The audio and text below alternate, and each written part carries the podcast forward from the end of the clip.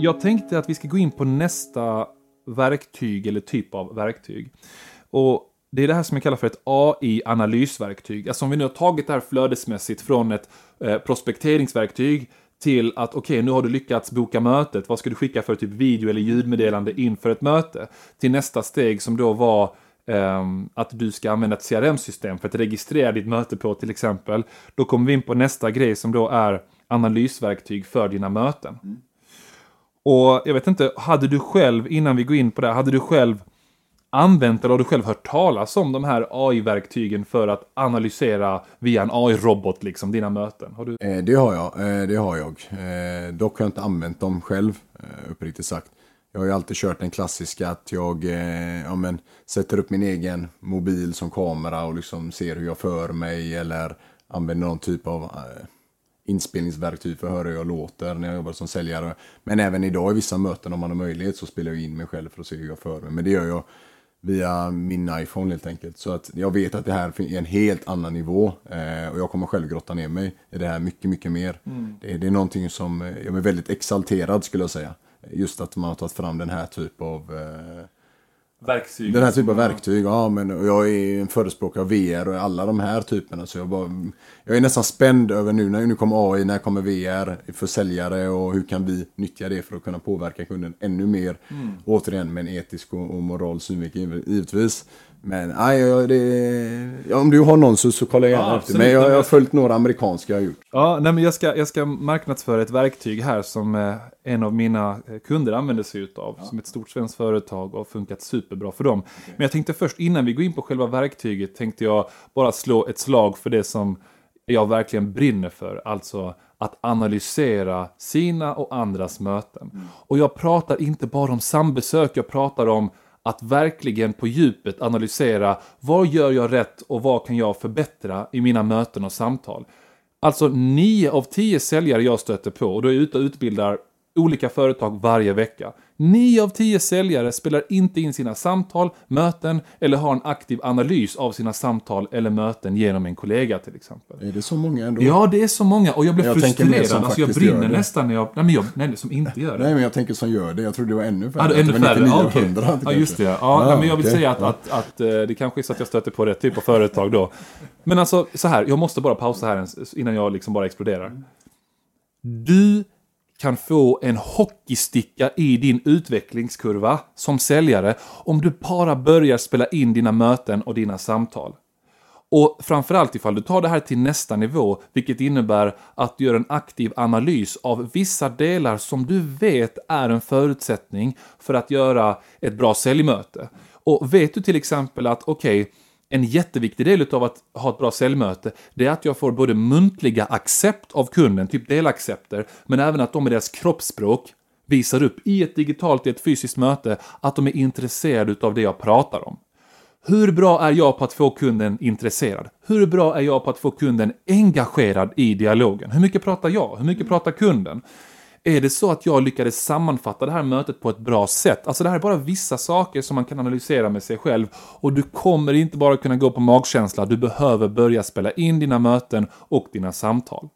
Nästa fråga som kan dyka upp det är men vad då, hur ska jag få kunden att acceptera att jag spelar in ett digitalt möte? Du ska ju inte i smyg spela in fysiska möten, då är det mer liksom någon som följer med och hjälper dig. Men pratar vi om digitala möten, det lättaste sättet att få en kund att köpa in på och acceptera att du får spela in ett möte, det är att säga något i stil med eh, Rickard, jag tänkte att jag skulle försöka vara fullt fokuserad på dig i det här mötet och jag tar helst mina anteckningar i efterhand, mm. vilket gör att jag gärna spelar in det här mötet för att då kunna föra mina anteckningar i mitt CRM i efterhand. Är det okej okay för dig att det här mötet spelas in så att jag kan göra den här anteckningen i efterhand? Mm. Alltså, jag skulle säga att 8 av 10, om inte 9 av 10 kommer att säga ja på den frågan jämfört med kan jag spela in det här i utbildningssyfte? Mm. Eller är det okej okay att jag spelar in mötet bara? Mm.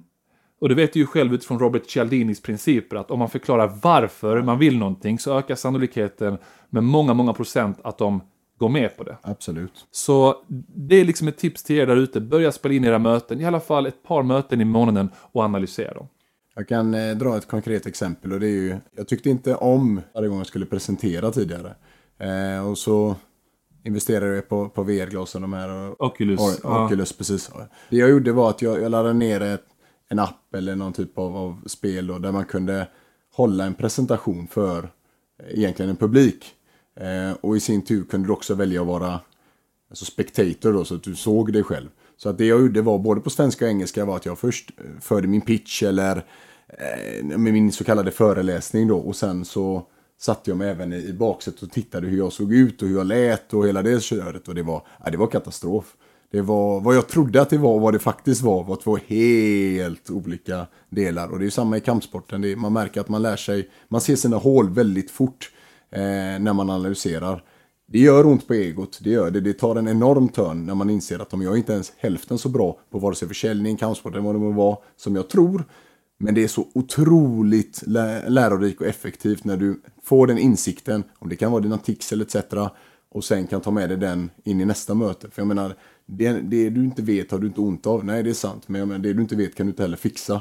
Eh, och jag, tror, jag vet att det är steget till nästa nivå. Så av allting vi kommer prata om idag, Leo, så är min rekommendation att ska man ta med någonting i, från säljarbete så är det verkligen analysera dig själv. Eh, och vara så pass självkritisk att du ändrar på det som inte funkar. Ja. Oavsett eh, om det är idrott eller vad det må vara. Man är chockad hur dålig man är många gånger. Om jag inte får gå. Ja, ja men precis. Och du tog det kanske till en helt annan ja. nivå med ett så här VR-glasögon som eh, så här. Men jag tyckte det var coolt att du gjorde det. Ja. Jag minns att när jag då började jobba på Lime då tidigare, Lundalogik. CRM, CRM-verktyget. Då spelade vi in liksom hur vi pitchade. Mm. Eh, och det var så nervöst och man kände att det här var det jobbigaste man har varit med om. Men sen när man blev lite mer van vid det, då insåg man att men det är här jag har min utvecklingspotential. Precis. Jag la märke till att jag hade tics som inte ens jag trodde att jag hade. Nej. Och även om det är jobbigt för mig att lyssna igenom till och med de här poddavsnitten i efterhand så märker man av att ibland så är det så... Ah, alltså det är massa sådana här små tics man har som man vill eh, bli av med. Och för att bli bättre och bättre. Men då måste du som lyssnar på det här ha fattat ett beslut om att du faktiskt vill bli bättre. Att det är värt att gå ur din bekvämlighetszon för att bli bättre. För att annars kommer du ingenstans i din utveckling. Alltså förhoppningsvis så lyssnar du på Säljpodden för att du tycker att det här är lärorikt, utvecklande. Men om du inte gör ett skvatt åt det som jag rekommenderar, eller mina gäster rekommenderar, då kommer det vara på exakt samma nivå som tidigare. Och det är samma sak som under en utbildning. Alltså jag blir så frustrerad när jag ser att folk inte tar anteckningar. Mm. Och jag vet inte om det är okunskap eller ignorans eller vad det handlar om, att man tror att man kommer ihåg allting mm. som jag pratar om. Men om det här är viktigt, ditt företag har investerat många tusenlappar för att jag ska stå här och utbilda er, mm. ja men fram med anteckningsblocket i alla fall. Även faktiskt från en beslutsfattares perspektiv så är det väldigt uppskattat när en säljare tar anteckningar. För man känner sig, eh, ja, men man känner sig hörd, man känner sig bekräftad det finns ingenting negativt i det. Man kanske känner så här, ja, men, eh, spontant då att ah, men nu, nu känner min den här vdn att ah, men nu sitter jag och skriver och inte lyssnar på honom. Tvärtom skulle jag säga utifrån min erfarenhet att man känner att den här personen följer med. Man kan ställa mycket mer relevanta följdfrågor. Eh, jag tar, det är en gammal vana jag har eh, att alltid föra anteckningar och jag kan säga att de affärerna jag har gjort, jag har nog inte ens gjort hälften av dem eh, på hög och låg nivå om jag inte hade fört anteckningar med tanke på att det är så lätt att man hamna med i, liksom, i kundens tempo och, och där. Men någonstans är ditt arbete att hela tiden flytta fram den här processen och vara relevant och få personen likt en terapeut att fatta att det här är ett bra beslut och det, ja. det här är precis det vi har landat i. Så det, det, det tycker jag är livsviktigt. Ja, och, och, vi ska komma in på, jag vet att det är en cliffhanger, du sitter och lyssnar på det här och hoppas att, förhoppningsvis är du nyfiken på vad det här verktyget heter och vad det gör. Men innan dess vill jag fortsätta prata lite grann om det här med anteckningar. Många har börjat anteckna på sina datorer och det är inget fel med det. Jag gör själv det i många fall under möten. Men då är det två saker som är viktiga att tänka på. Det ena är att ha aldrig din dator precis mellan dig och kunden du pratar med. Det blir som en sköld, det blir som en mur egentligen som rent psykologiskt gör att kunden tycker mindre om dig. Ha datorn åt sidan så att du kan titta med kunden och kan se hela din kropp, liksom i alla fall din överkropp då. Um, och det andra är att ha ändå anteckningsblocket med dig. Mm. Skulle jag säga att vissa anteckningar vill du föra liksom på, eh, med penna och papper och vissa vill du föra in via datorn. Mm. Det visar precis som du sa att amen, det är någon som ser mig, någon som hör mig, någon som är förberedd. Uh, men alright, då ska jag gå in på verktyget som den här kunden använder sig av och som jag har blivit alltså jag tycker det här är Guds gåva till mänskligheten nästan, skulle jag säga. Ja, men jag är ju nördig på det här, men Metric heter det. M-E-E-T-R-I-C. Och ni kan ju googla det här, Metric, som sagt M-E-E-T-R-I-C, för att liksom läsa mer, eller läsa på lite mer om de funktioner de har. Om, om det är Guds gåva till mänskligheten så är det tjänstefel att inte göra det, så kan vi väl säga. Ja, jag vet, jag kan vara lite överdriven ibland kanske. Men om man säger så här, vad gör den då? Jo, den automatiskt organiserar dina mötesanteckningar. Alltså, om du har haft ett möte med en kund så transkriberar den även på ett väldigt bra sätt på svenska. Mm. Vad är transkribera? Det innebär att den lyssnar av liksom vilka ord är det du säger och steg för steg skriver ner vilka ord det är och gör en mötessammanfattning som du bara kan ta copy-paste in i ditt CRM-system mm. senare. Och nej, det behöver inte vara hela mötet på en timme som de skriver ner utan man kan reglera det här själv också så att det blir just de viktigaste anteckningarna. Och det är helt sjukt hur bra det här verktyget är på att automatiskt analysera vilka som är de viktigaste anteckningarna. Jag vet inte hur de gör det, men AI är riktigt spännande i alla fall. Så att för det första, du som inte gillar att, re att registrera saker i ditt CRM-system, men du vet att det är viktigt. Det här gör det per automatik åt dig. Men det andra är att den per automatik spelar in mötet också. Och kan, och kan ge dig AI-insikter, både utifrån dina samtal, mm. det kan joina telefonsamtal och joina möten. Om till exempel, hur många procent av mötet pratade du jämfört med kunden? Vilka var nyckelorden du sa jämfört med dina säljkollegor och vilken hitrate har ni så att den per automatik säger okej, okay, den här biten är jag lite mer skeptisk inför skulle jag säga, men det är ändå coolt att det finns. Just det här med att okej, okay, nu har vi analyserat 100 möten hos 10 säljare. Eh, ni har bekräftat i verktyget att de här fem säljarna oftast liksom kommer vidare i processen. Vi har analyserat, nu pratar vi om liksom roboten pratar här, men jag har analyserat då, jag roboten, att de här säljarna ofta använder den här typen av begrepp eller det är så här mycket man låter kunden prata och så vidare. Så att det är både, alltså att det hjälper dig med anteckningar men även att den ger dig AI-insikter som är helt sjuka faktiskt. Men är det dyrt? Eller? Nej, jag, alltså jag, jag ska kolla upp det igen men jag har för mig att det inte är särskilt dyrt. Och det som är så roligt med de här amerikanska verktygen som de vill sälja över hela världen, att ofta brukar de inte vara så dyra om vi inte pratar om sådana som kräver en stor implementering som Salesforce eller Microsoft. Så, här. så att jag tror inte att det är särskilt dyrt. Uh, ja, så att det är någonting som både du och jag tror jag, eller jag kommer nästan pressa dig till att du börjar använda Nej, men det absolut, det... Speciellt när det handlar om att skicka sammanfattningen till kund, just att vara effektiv som pratar om. Det är ju bara ja. där har man ju sparat tid och, och tjänat pengar på att säga. Eftersom tid är pengar. Så att eh, det, det, bara i det syftet som är så otroligt litet. Eh, så är det, men jag blir helt exalterad. Det känns som att jag ska kolla på Gladiator igen. Liksom. oh, min favoritfilm genom alla tider. Kul att du nämnde just det. Alla dagar. Ja, grymt. Du, nästa typ av verktyg jag tänkte att vi går igenom, det är vad som sker senare i en cellprocess. Jag ska rätta mig själv lite grann där, för att de här verktygen har blivit allt mer att man även använder det här i början av cellprocessen. Men när de skapades så är de till för att användas senare i processen, när du skickar offert eller avtal och liknande. Och jag pratar såklart om digitala signeringsverktyg.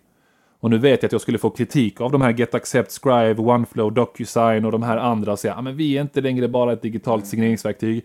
Jag fattar. Men lyssnarna som lyssnar på detta, de kanske mest känner igen de här verktygen via digitala signeringsverktyg. Alltså, där man har möjligheten att digitalt signera ett dokument istället för att man måste skicka iväg det här på posten. Så de verktyg jag tänkte prata om. Det är då som sagt GetAccept, lite kort om Scribe, OneFlow, DocuSign.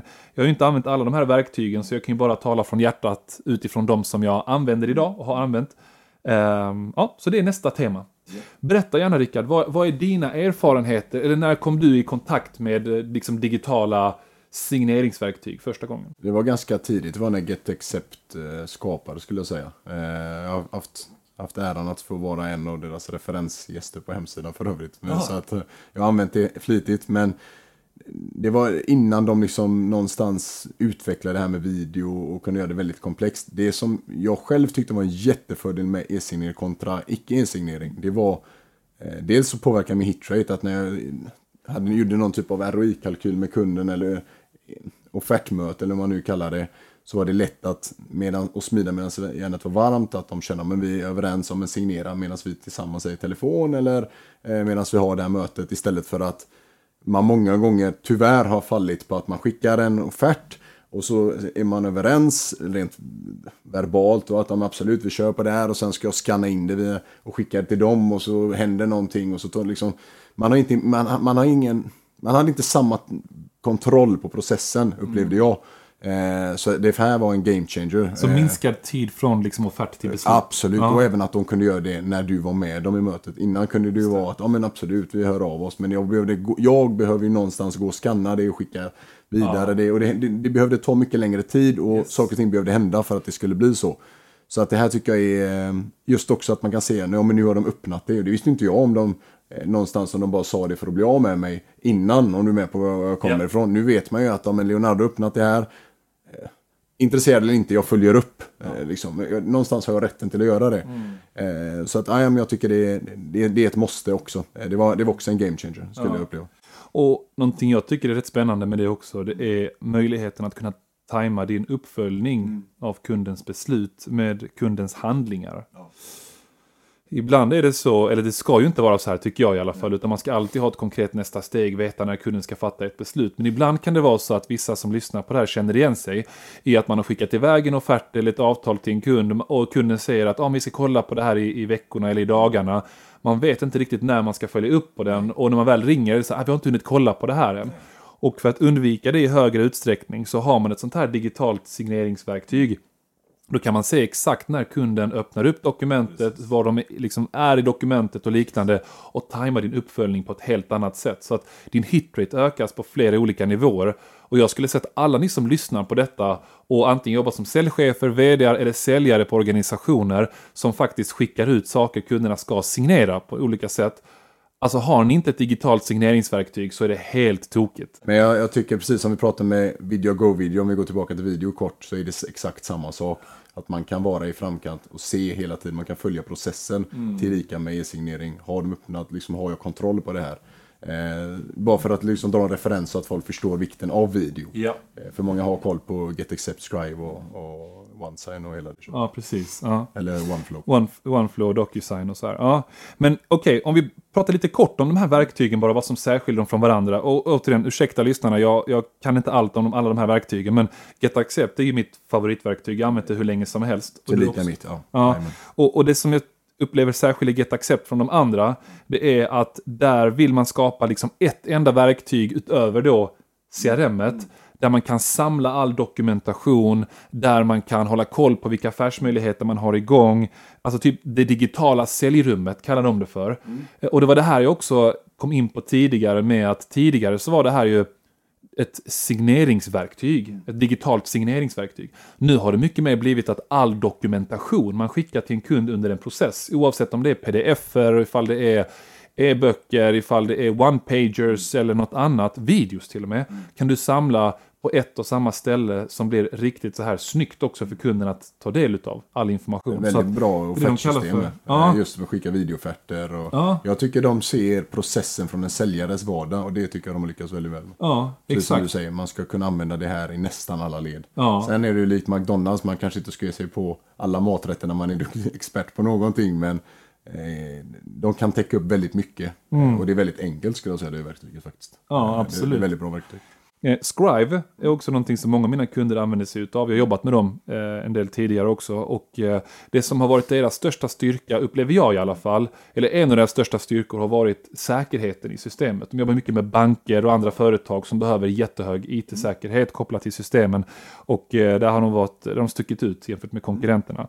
Och sen har jag hört att OneFlow, DocuSign och de här de är också väldigt duktiga. Så att och, men, men, min favorit är ändå Get Accept utifrån att det är det enda jag har eh, använt. Jag har analyserat de andra verktygen också en gång i tiden, men Get Accept tycker jag är riktigt bra. Och när man väljer en leverantör, oavsett vilket system det är vi pratar om, så handlar det om mycket mer än bara verktyget i sig. Mm. Det handlar ju också om den här leverantörens vilja och förmåga att lyckas implementera det här i er organisation. För om, låt oss säga att OneFlow har fem jättebra funktioner och DocuSign har tre. Nu stämmer inte det här, men jag bara ser det som ett exempel. Ja, men ifall ni blir utbildade i hur ni använder de här tre funktionerna i DocuSign på ett mycket bättre sätt än de här fem funktionerna i OneFlow så kommer det ge ett större värde. Absolut. Så man ska inte heller stirra sig blind på den biten utan verkligen utmana leverantörer i hur säkerställer ni att vi börjar använda det här? Annars blir det bara pengar i sjön. Som många kan känna som kanske lyssnar på det här att ja, men vi har köpt massa verktyg, de används inte. Men det var som du sa tidigare, man måste ju börja med ett och bemästra ett område. Och då är frågan, låt säga att den ja, men DocuSign har fem som är väldigt bra och, och OneFlow har tre. Men OneFlow kanske har ett av dem ett av de verktygen eller en av de egenskaperna är så pass skarp och liksom landad i våran säljprocess, i vår säljorganisation att det, det, det, det är därför vi köper in på det. De andra två är en bonus. Typ som en, en, en bra eh, ja, men video i offertgenomgången. Det är liksom avgörande för oss för det kan påverka vår hitrate. Då är det mer värt att de har den attributen och är så pass skickliga att det kan påverka en affär kontra mm att ett annat har tio jättebra om man nu eh, lägger tid på det. Men jag vill också bara slå ett slag för att man ska inte heller, för nu pratar vi CRM och allt är superpassionerande. Men vi nämnde det i början, det är ju ändå fokus på effektivitet. Man ska inte bara bli en expert på sitt CRM, för någonstans ska det hjälpa till att göra affärer. Så det är bättre att man är medioker, nu, eller så pratar jag utifrån min egen erfarenhet. Det är bättre att man är tillräckligt duktig för att liksom det här ska lira med en, men ändå har fler affärsmöjligheter igång än vice versa. Att man är en expert på alla de här attributen men Exakt. det är inte landar i affären. Ja, helt rätt. I agree. Eh, jag vill ändå, jag har gjort en liten sammanfattande lista av saker jag verkligen älskar med den här typen av verktyg. Mm. Sen har jag såklart utgått ifrån Get Accept här, men det finns eh, säkert de här funktionerna i de andra verktygen också. Eh, men det ena är att det ger ett professionellt intryck. Alltså när man skickar det här till en beslutsfattare genom att bara, eller jämfört med att bara skicka iväg en pdf med då säljmaterial. Om jag efter ett första möte ska skicka iväg presentationen, skicka det i Get Accept istället. Alltså de har gjort det så snyggt grafiskt och säkert de andra verktygen här också, att det ger ett professionellt intryck. Eh, den andra biten det är att det finns också funktioner i många av de här systemen där man kan se om de har skickat vidare själva dokumentet internt. okay. Så även ifall den här personen säger att ah, men du, det är bara jag som fattar beslutet, så ser man att de har skickat vidare till någon internt och man kan till och med se vem de har skickat det vidare till. Så säg att du har ett möte med en säljchef som har skickat det här vidare till en marknadschef, men då har du förstått att då kanske marknadschefen bör involveras i ett nästa steg. Och jag brukar inte skämmas för att säga, du jag såg, alltså i ett nästa möte, du jag såg faktiskt att du skickade iväg det här till, till Thomas, er marknadschef. Eh, jag, jag skulle nog tro att det var bra ifall han var involverad i den här processen också i ett nästa steg där vi pratar om saker som är utav intresse för honom. Vad har utfallet blivit när du har uh, kört den? Typ? Ja men 50-50, inte 50-50 att de har svarat negativt utan snarare 50-50 på att de antingen säger att ja vi kör eller nej vi går inte vidare med Thomas också, jag kan nej. ta det här internt. Så att det brukar inte väcka någon irritation, uh, även ifall man är lite känslig för sådana här grejer i Sverige. Uh, sen den, en annan grej det är det här med video, igen. Mm. Alltså Get Accept gick ut med information om att jag vet inte hur många procent det var man ökade eh, försäljningshitraten, alltså hitraten, av att man skickade med en video i offerten istället. Och tänk dig bara så här att, alltså, och, och, och liksom vad som händer i verktyget är att när du skickat iväg en offert kan du spela in en video som gör att när en ledningsgrupp ska se den här offerten, det första de ser det är liksom en kort video på dig själv. Och se då att du står i en konkurrenssituation med tre andra. Eh, alltså bara att du gör det här personliga intryck, intrycket gör att du kan särskilja dig från dina konkurrenter på ett annat sätt. Om jag får bara flika in och göra det ännu skarpare, det är erfarenhet från bland annat Stenungsbaden. Det man kan göra om man vill vara ännu vassare och öka hitraten, det är att man skickar med ett referenscase som är kopplat till den här eh, den utmaningen kunden har. Exempelvis om Leonardo som är vd på Line Competence. Det är hans ord. Så att du vet liksom vad ni signar upp eventuellt signar upp på. Exempelvis på hotellbranschen så var det ofta vi fick konferensförfrågan till, till lika fick fem andra det. Och det man var van vid är att scrolla ner och se om vad kostar det här då. Men när man kunde skicka med att om en eh, Jocke som är vd på Dream Logistic, exempel, nu bara hittar på något företag. Eh, för jag vet att ni har en utmaning med logistiken. Här är hans ord, så att ni vet liksom var vi kommer ifrån. Just det. Då, då försvann prisbilden. Då spelar det ingen roll om det var 499 för kaffekaka eller om det var 999. Mm. Det är liksom mer relevant för man, man får ju utgå ifrån vad man säljer. Upplevelser sålde vi då. Eh, så jag tycker att använda referenscase med en tredjepart är otroligt slipat. Det, det är mindre rekommendation, om man nu får vara... Ja, och någonting jag kommer ihåg också som Get Accept pratade om i hotellbranschen. Det var att när man som hotellsäljare i den här videon i offerten till och med spelade in sig själv när man var till exempel i spa-avdelningen. Så att, ja men hej, ni, ni, ska ha den här konferensen. Eh, här har vi jacuzzin bakom. Jag hoppas att ni kommer njuta en hel del av den när ni kommer hit. Om ni nu väljer oss och vår anläggning. Alltså sån här grej. Jag vet att det finns ett annat företag som säljer profilkläder. Och bara så här, men kolla, gjort ett, liksom en testtryckning här för drömkunderna då. Eh, kolla på den här t-shirten som jag har. Alltså såna här små detaljer kan göra jättestora skillnader i om man vinner en affär eller oh, inte. Ja, det går inte, det går inte ens att ta på. Någonstans så är det ändå värde för pengar, så kommer det vara. Allt som oftast. Om inte man har en väldigt låg budget, men då, då har du inte förlorat av den anledningen. Då har du förlorat av fel anledning. Så ja. jag, jag, tycker verkligen att, i, om man nu ska konkretisera det, kan du använda en tredje part som inte är involverad i dig utan en kund som pratar för dig, då är det absolut det vassaste. Om du inte kan, gör precis som du pratade om Leo. Utgå ifrån dig själv och liksom spela in en video. Det, ja. det väger så mycket mer än det är rationella. Och pratar vi psykologin så är det, man fattar ju beslut, beslut i limbikhjärnan, alltså i det emotionella, före rationella. Man behöver det rationella för att någonstans övertyga sig själv att det är rätt beslut. Men eh, hade det bara varit en rationell värld så hade alla åkt runt i blåa bilar och det är det inte. Utan ja. någonstans så, så eh, går vi på känsla. Så ja. är det. Och magkänslan är den vi följer ja. fullt ut och den är kopplad mycket till det här. Och det blir andra intryck när man ser att oj gud, ja, men spa, ja, det var länge sedan, det är dags nu. De har det. Ja, det ser väldigt trevligt ut. Och jag hade ju, en, nästa sak jag vill prata om här, är en chattbot. Mm. Uh, och jag hade ju en tjej med i, i podden för ett tag sedan från Hello Ebbot, tror jag att de heter. Jätteduktig, uh, var hon ett otroligt avsnitt att spela in. Men Get Accept och säkert fler av de här andra, de har också en chattbot inkluderad i det här paketet. Vilket då gör att när någon öppnar upp den här offerten så kommer det direkt upp en, man kan sätta upp vilka frågor som ska ställas. Typ, hej, säg gärna till ifall du har några frågor om offerter så kan jag besvara den direkt i det här eh, dokumentet. Vilket också gör att man kan fånga upp kundernas frågor och invändningar på ett annat sätt än ifall man inte har det. Uh, och sen har jag alltså två saker, jag skulle nästan säga att det är de två mest värdefulla uh, som jag har fått erfara med uh, den här typen av verktyg. Och det ena är kunder som tar upp tråden igen när det här har legat på is.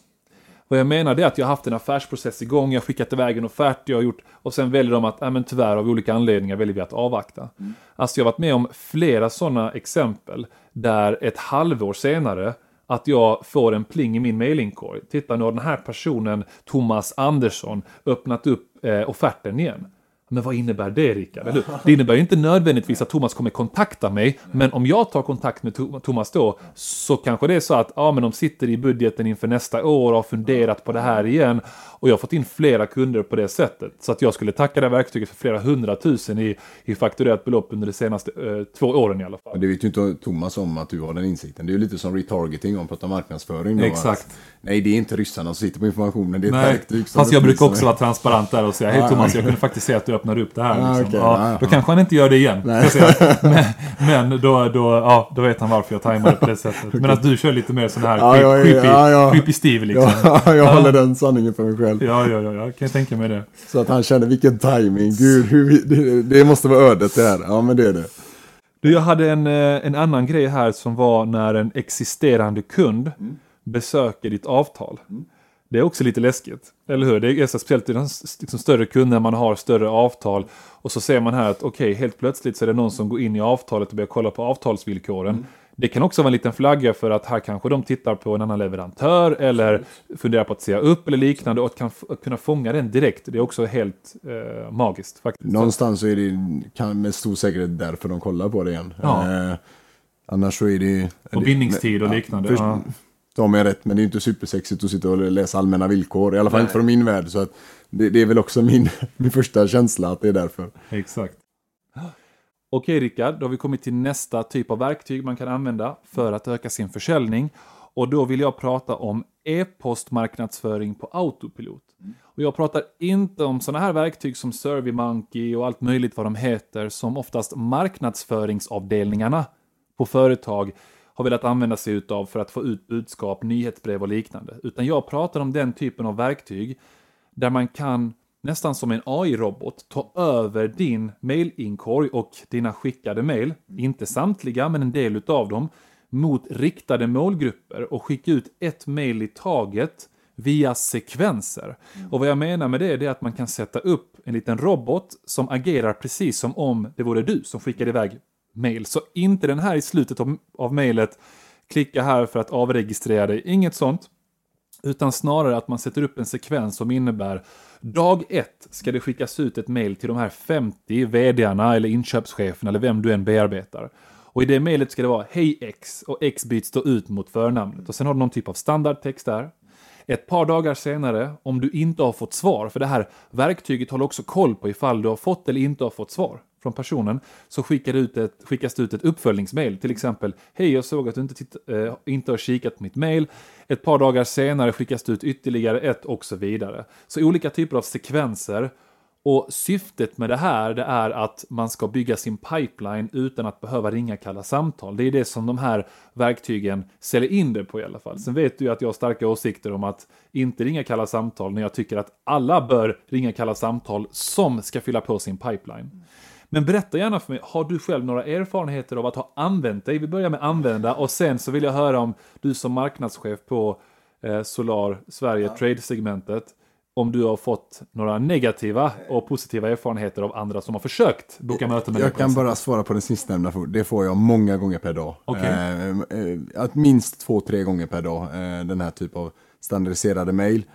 Eh, det som är väldigt viktigt i alla fall, det, det, vad jag ser det är att man är tydlig med USPen och själva hooken. Eh, men det är alldeles för många som presenterar vad bolaget gör och det är för långdraget. Det, då blir det väldigt lätt att, att, klicka bort. För det här är ju, precis som du säger, det är mycket ett, ett lättare åtagande att, att klicka bort än exempelvis kallt samtal. För att, för att besvara din förstnämnda fråga. Eh, jag har använt mycket Qualifier, eh, eh, Lead Pilot också för övrigt, men Qualifier är den jag tycker fungerar bäst eh, för mig. Men jag kommer från säljvärlden och jag har väl alltid förespråkat det här med kalla samtal och kanske hellre använda LinkedIn då och, och eh, men kan inte det här vara ett bra komplement? Det kan det, absolut, absolut, absolut. Det är väl, det är väl en, en ett snyggare sätt eh, att säga att jag är för dålig på det helt enkelt. Så ja. att eh, är man duktig på det, vilket finns jättemånga som är, jag vet många eh, goda vänner som använder det och gjort många fina affärer via den här typen av eh, strategi. Så att det, att det fungerar, det är solklart. För de här verktygen, de är väl också bra på att Alltså du måste inte alltid skicka fram en lista eller skicka in en lista till dem utan många av de här verktygen, Qualifier, Lead Pilot och allt vad de heter, där kan man ta fram hela segmenteringen också via deras databas. Nästan som att det är som de andra verktygen vi pratade om eh, när vi diskuterade prospekteringsverktyg, fast att det här är mot e-postmarknadsföring. Så typ, ja, men jag vill alla försäljningschefer på företag över 50 miljoner i Stockholm, mm. de ska få det här mejlet. Och sen så letar det här verktyget reda på deras e-postadresser och skickar ut det direkt ifrån din eh, mail då. Men berätta, vad, vad är liksom det stora misstaget man kan göra här? Och jag tror också att när du berättar om de stora misstagen man kan göra, du nämnde lite kort, mm. Det här gäller ju också för er som ska skicka kalla mail. Mm. Alltså som inte använder ett verktyg. För det ska ju vara ett liknande flöde man sätter upp. Sen har man lite mindre kontroll här, eller kanske mycket mindre, eftersom man inte gör anpassade mail till varje person, utan det blir snarare lite mer allmänna mail. Men liksom, vilka är de stora misstagen som du tycker att säljare gör när de skickar mail till dig? Eh, först och främst vill jag säga att jag, jag, jag imponeras eh, av modet till att skicka till en, en främmande person. Jag tycker det, det, där har man min absolut största respekt, bara för att tydliggöra det. Eh, men det största misstag, eller om, om, vi inte kallar det misstag, men om vi säger varför, vad som urskiljer dem jag faktiskt bokar möte med kontra inte då, då, då är det eh, två saker. Det första är att det, det är väldigt långdraget. Jag får ett, tre skulle jag säga. Första är rubriken. Är rubriken inte slagkraftig så är det väldigt lätt att man inte tar sig tiden att titta vidare. Och vad, in, vad, innebär en icke slagkraftig rubrik? Ett exempel på en dålig rubrik? Eller en bra? En, en, en dålig rubrik skulle vara någonting som inte är konkret och fångar exempelvis. Ja, men vad, vill, vad, vad gör den här tjänsten? Säg att det är ett soft... Ja, men vi kan säga att det är ett e-signeringsverktyg. Ja, men använd då istället vad du faktiskt säljer. Ja, men stäng mer affärer med vårat... Eh, stäng mer affärer på det här sättet. Likt vi pratade om det här med att om jag vill visa dig någonting tvinga mig att öppna upp det här mejlet för att få reda på hela sanningen. Istället för att liksom avslöja allting direkt. Det skulle jag säga. Eh, mer än att eh, intresseanmälan och när det är alldeles för flummigt. Mm. Det har inte riktigt fungerat för mig på det sättet skulle jag säga. Eh, det är väl de två olika. Ja. Eh, att du tydliggör vad du säljer i ditt mejl. Mm. Men ändå inte ger hela sanningen utan du ger 70% och de vill du ha reda på de, precis, vill du ha övriga 30, ja men då får du läsa. Och i själva mejlet skulle jag säga att det är usparna gärna i punktform så att man förstår, likt LinkedIn, att det ska vara lättläsligt. Tänk om jag kollar det här på min mobil, då vill jag inte se 15-20 rader, utan då kanske jag vill se två, tre rader, hellre uppspaltade. Och där de går ut, utgår från min värld. Och gärna referenser. Referenser älskar jag, för det visar att, de, att det finns någon typ av trygghet bakom mitt beslut att ta det här mötet. Eh, och att de, det inte känns som att det, jag, Rickard, är en av 200 som har fått det här mejlet. Och mina kollegor i branschen har fått exakt samma mejl om vi skulle ringa varandra. Utan att det känns ändå som att man har tvistat. Det, jag, jag, förstår ja. tvillingsöket. Jag förstår det här med att ja, men nu, nu jobbar vi. Men om vi är en, en drömkund som man kanske kallar oss ibland. Då vill jag ändå uppleva att vi faktiskt är någon du har lagt 30 sekunder extra på. Om jag nu ska ge dig min tid. Sen, sen, eh, Får jag bara hoppa? Ja, jag måste hoppa absolut. in där för att det är ju en svår avvägning. För om någon säger att om ska man använda ett sånt här verktyg, typ Qualifier eller något annat hur kan man göra det på ett sätt så att det känns anpassat för kunden när man vet att man inte kommer ha tiden att anpassa varje mail? Och jag skulle snarare säga att Alltså för att lyckas riktigt bra med ett mail, då håller jag med dig om att om det är en drömkund, då ska man anpassa mailet ganska mycket. Men om det här är mot en generell målgrupp som kan vara bra potentiella kunder, då är liksom less is more. Och vad jag menar med det är att istället för att riskera att skriva alldeles för mycket som tappar den här motpartens intresse, men även riskerar att kännas att oj, det här kanske, kanske är ett standardmedel, eller hur? Håll det lite kortare. Mm. Så att, baka in någon referens, absolut, om man bearbetar en viss målgrupp, men håll det ganska kort. Så att det kan vara, ja men typ som att du hade kunnat skicka det här mejlet utan ett sånt här verktyg också. För ju längre det blir, desto svårare är det att skapa ett intresse och desto lättare är det att också läsa av att det här är ett standardmail. Absolut, och det tycker jag, det, det du är inne på nu är väldigt spännande, för jag tycker man ska utgå ifrån, om jag skickar det här till Leonardo från min privata, jag och Rickard, hur hade det varit då? För det här är egentligen bara en, en accelerator, men du vill ju inte vara, det ska ju inte vara någon skillnad i kvalitet. Mm. Det blir ju en kvalitetsfråga som blir kvantitet. Så det tycker jag att det är liksom, det är standard att man har, har den, eh, den utgångspunkten då. Eh, och det, sen vill jag också slå ett slag för det sista man alltid avslutar med, call to action. Då. Jag uppskattar tycker, har aldrig varit en, jag har aldrig, jag har aldrig tyckt om de här klassiska alternativclosen. Ja, men funkar onsdag klockan tre eller torsdag klockan fyra för dig? För ett, du har ingen aning på min kalender och det är, och två, så, någonstans mellan raderna så säger du att jag ska hålla mig till din pipa och det är du som har bokat möte med mig.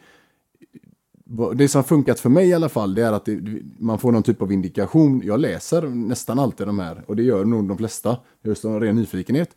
Men att man någonstans ändå ställer en fråga som man får svar på. Om jag vill, vill veta mer så, och det här tänker jag på, någon, någon liksom skarp fråga så att du får en, mm. en motpart att mm. ställa någonting. Då är det lätt att boka mötet. Mm. Eh, eller en, att du till och med skickar en video, you name it. Men säg att du inte skickar en, en video, men att du ställer en fråga som är, som är kraftig. Eller, och det kanske, men inte det här om en torsdag eller fredag, för du kommer inte få det mötet. Mm. Så är det bara. Ja, en annan sak jag tänker på där, det är att alltså, ditt call to action speciellt när det kommer till ett mail, behöver vara med ett lågt commitment. Alltså ett lågt åtagande. Vi pratade mycket om det här i ett poddavsnitt med eh, en jätteduktig tjej som heter Frida, Frida Rubak. Mm om hur man lyckas med skrivande säljande texter och liknande.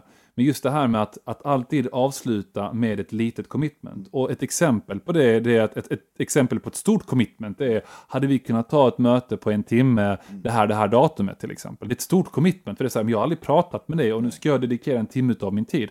Ett litet commitment hade snarare varit att eh, hade jag kunnat få fem minuter av din tid på telefon för att Precis. förklara mer vad det här gäller, så vet du om du vill få till ett möte med mig eller inte. Det är så här, mycket mindre commitment, lättare att säga ja till, mer crisp liksom. Klockrent. Ja. ja. nej, men jag tycker om det. Och det, tyvärr så får jag för många av det förstnämnda.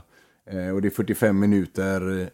Och, och också, jag skulle säga, om man, om man nu prompt kör, ja, men jag tycker det alternativklass funkar bra, använd i så fall i kommande vecka istället för att ta två specifika tider som passar dig för att det ska låta bra. Säg så någon gång i kommande vecka.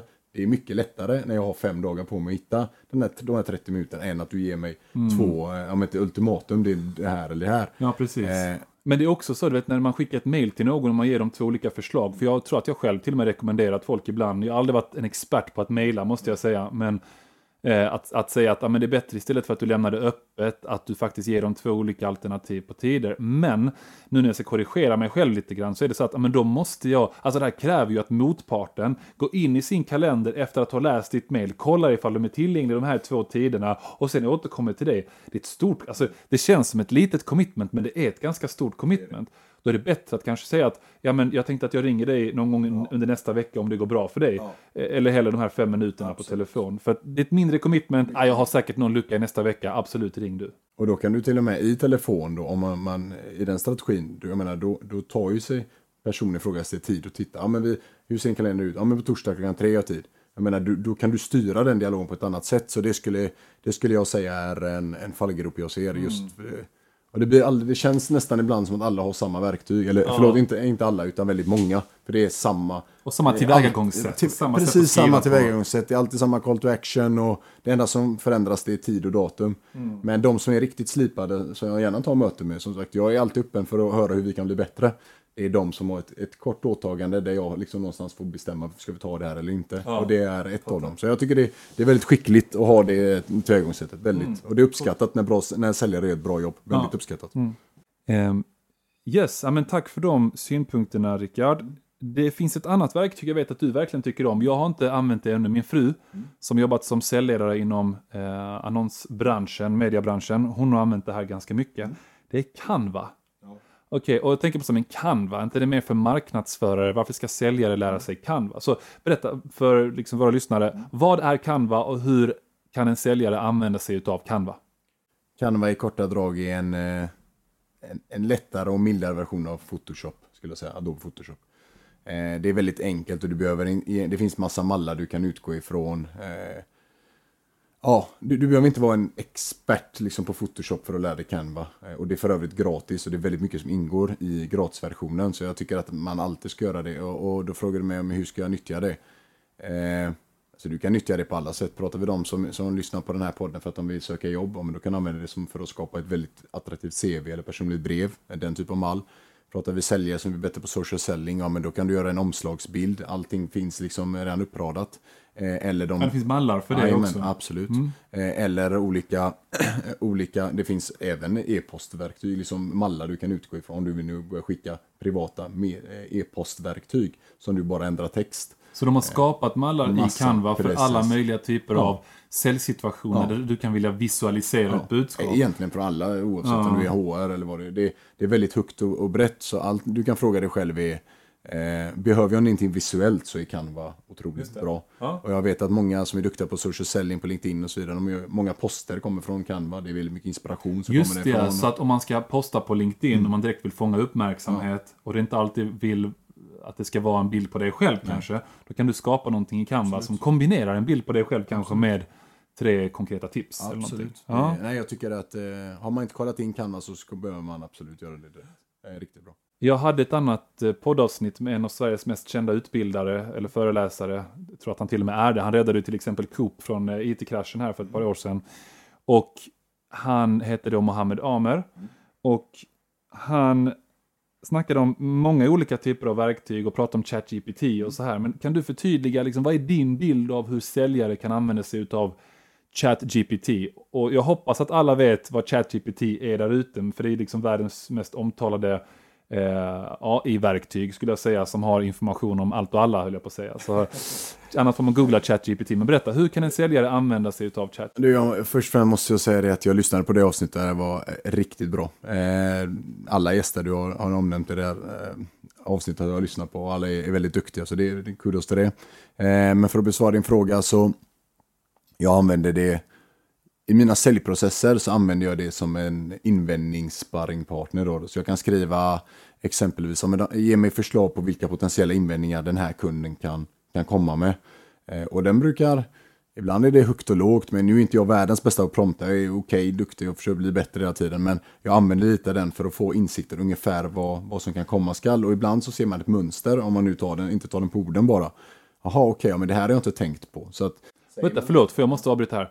Så du menar alltså att inför ett visst säljmöte du ska ha så kan du skriva till ChatGPT. Jag säljer den här typen av produkter och tjänster. Jag ska träffa en inköpschef på ett sånt här företag. Vilka typer av invändningar kan dyka upp? Jag, jag vill upplevas som ödmjuk men ändå auktoritär och liksom kunnig. Det här är mitt säljargument. Kan du komma upp med tio, tio potentiella invändningar som den Shit vad coolt, jag har aldrig tänkt på det på det sättet. Det, och du det tycker att det funkar bra? Ja, absolut. Ja. Eh, nu kanske inte den, alla de tio kommer, men jag menar, kommer det, många gånger kanske fyra av dem är, är snarlika med, med andra ord. Men du ser ju ändå att, ah, okej, okay. jag menar någonstans utmanar den dig och du vet ju aldrig hur människor tänker. Så folk behöver liksom inte anlita mig längre för, för hjälp med invändningshanteringen och storytelling och allt möjligt. Man bara skriver till ChatGPT så Nej, löser du, utmaningarna. Du, du anlitar mig så skriver jag till dig. ja, bra, han tar mina jobb här lika. Fantastiskt. Nej, men så det, det är ett sätt som har, eh, och det finns säkert de som är väldigt mycket bättre än mig. Så att det, men använder du det här ibland till att när du ska skriva om mail? Jag vet att min ja, fru, jag berättade om det också i avsnitt, att hon, hon har inte alltid känt sig, hon är född i, i, Iran och kom hit när hon var liten och har jättebra svenska, men ibland när det kommer till mer formella mail, eh, eller till och med mail där hon känner att åh, här har jag liksom en chans med en marknadschef jag måste övertyga dem. Då skickar hon in det här mailet hon tänkte skriva i ChatGPT, mm. så det skriver om det till henne. Och hon blir lika imponerad varje gång. Flera gånger per dag gör det. Jag kan säga att eh, jag har bytt ut Google mot ChatGPT. Eh, eller ChatGPT om man ska mm. vara engelsk. Och det är ju samma, jag är, är ju inte världens vassaste när det kommer till grammatik. Ännu mindre i engelsk sådan. Så att då brukar jag ofta lägga in min text och skriva, men skriver den, eh, om den är eh, korrekt grammatiskt, eller grammatiskt korrekt. Mm. Eh, och så får jag det. Och det, jag använder det i LinkedIn-poster, jag använder det på e-mail, jag använder det, jag använder det allt egentligen. Även att översätta ord, you name it, allt. Tänk att det, det ersatte Google för mig, så ja. kan ni hålla det. Det var spännande. Jag hade en säljare som hörde av sig till mig eh, efter att jag pratat i kanske 50 avsnitt om eh, Challenger Sales. Jag mm. tjatar ju om att jag vill att alla Sveriges säljare ska bli duktiga på Challenger Sales-metodiken. Det finns ju en bok som heter Challenger Sales. Så återigen, för er som inte har läst det här, eller så kan ni fråga ChatGPT om att ge er en sammanfattning om eh, Challenger bok. Sales. Fantastisk bok. Men där pratar jag om, eller man pratar om Teach, Tailor, Take Control. Jag ska inte gå in på detalj här, men just med Teach-aspekten så handlar det om att deras forskning på över 6000 säljare visar på att när man kan vara utbildande och ge insikter, alltså nästan som att du är en lärare i säljprocesserna. Inte för att säga du kära kund, du kan ingenting, utan snarare det här kanske kan komplettera den kunskapen du har kring ett visst område. Och då finns det, det är många säljare, men den här säljaren hörde av sig till mig, det var inom rekryteringsbranschen, och sa att han börjat använda ChatGPT för att inför mötena säga okej, okay, men vilka är de viktigaste insikterna jag kan förmedla i ett möte med en eh, HR-chef inom tillverkande, den tillverkande industrin. Och så får han sjukt bra tips på insikter, till exempel ah, under de senaste åren så har de tillverkande industrin stött, eh, stött på de här utmaningarna i personalfrågor och var så wow, alltså riktigt häftigt hur man kan istället för googla massa timmar fråga ChatGPT. Så det är också ett tips till er där ute. Bara för att verkligen förtydliga hur starkt det här är så är det jag har gjort go-to-market-strategier, väldigt komplexa sådana på eh, under åtta timmar. Och, och vad innebär det så att folk En, go, en go-to-market är väl, eh, ja men säg att man ska in i ett annat land, så att du ska in i Tyskland då. Och någonstans vi skannar av den marknaden och se vilka konkurrenter har vi. Eh, ja men ser vi någon typ av, ser vi att regeringen har tagit något beslut som kan liksom vara lönsamt. Ja men all typ av fakta som någonstans styrker att det här är en bra idé. Eh, för, för många gånger så tyvärr så skjuter man från höften och tror att hela världen är som Sverige. Och det har vi pratat om USA och Sverige bara i säljkultur. Eh, och där får man ju all, eh, absolut otroliga länkar till liksom du kan hade aldrig hittat dem. Du hade aldrig hittat dem om du gjorde det manuellt. De aldrig någonsin. Och här har det istället för, för tre månader så tar det åtta timmar. Och du har en kanske en ännu starkare go-to-market-strategi. Och det är ett ganska stort arbete vet eh, många som har. Du kan göra marknadsstrategi, du kan göra allt med det. det är, den stora frågan är bara hur duktig du blir på att prompta, vad jag har förstått det som, och, och eh, fortsätter att utbilda mig inom. Så jag tycker att man ska använda det eh, och verkligen fördjupa sig i det, helt klart. Coolt. Det, det, ja, det är riktigt, riktigt coolt. Det, ja. Ja, det är häftigt. Bra, det var ju alla de verktyg vi hade tänkt prata om i de här avsnitten. Det finns ju många fler säljverktyg och om de här avsnitten väcker ett stort intresse så kan vi ta en ny runda Rickard här, där vi pratar om andra typer av AI-verktyg och liknande, för det finns hur mycket som helst där ute, som ni säkert har sett, ni som är ofta på, på Instagram, alla möjliga plattformar får ju säkert massa marknadsföring om de här typen av verktyg, alltifrån sådana här som eh, jag, jag, jag, testade ju det här med att spela in Leo som en AI-robot, alltså att jag bara skrev en text och skickade in en ljudfil med, eh, med min röst. Mm. Eh, så, så kunde jag översätta det till att det var en AI-robot som liknade mig, som pratade liksom i en video. Det gick väl sådär. Men det finns massa sådana spännande saker man kan testa på. Eh, och glöm inte att kontakta mig på LinkedIn, Leonardo Johansson, om ni vill ha tillgång till en gratiskurs inom sälj, en digital kurs. Och eh, ja, Rickard Amidani på LinkedIn också ifall ni vill ställa frågor om de här verktygen eller på något annat sätt vill nå honom i hans roll som marknadschef över trade-segmentet på Solar Sverige.